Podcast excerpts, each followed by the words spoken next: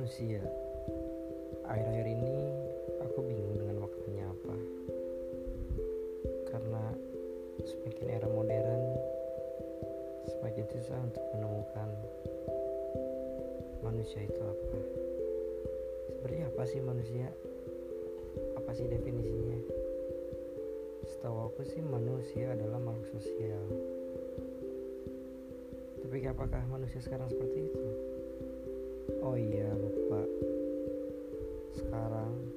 sosialnya cuma di media doang.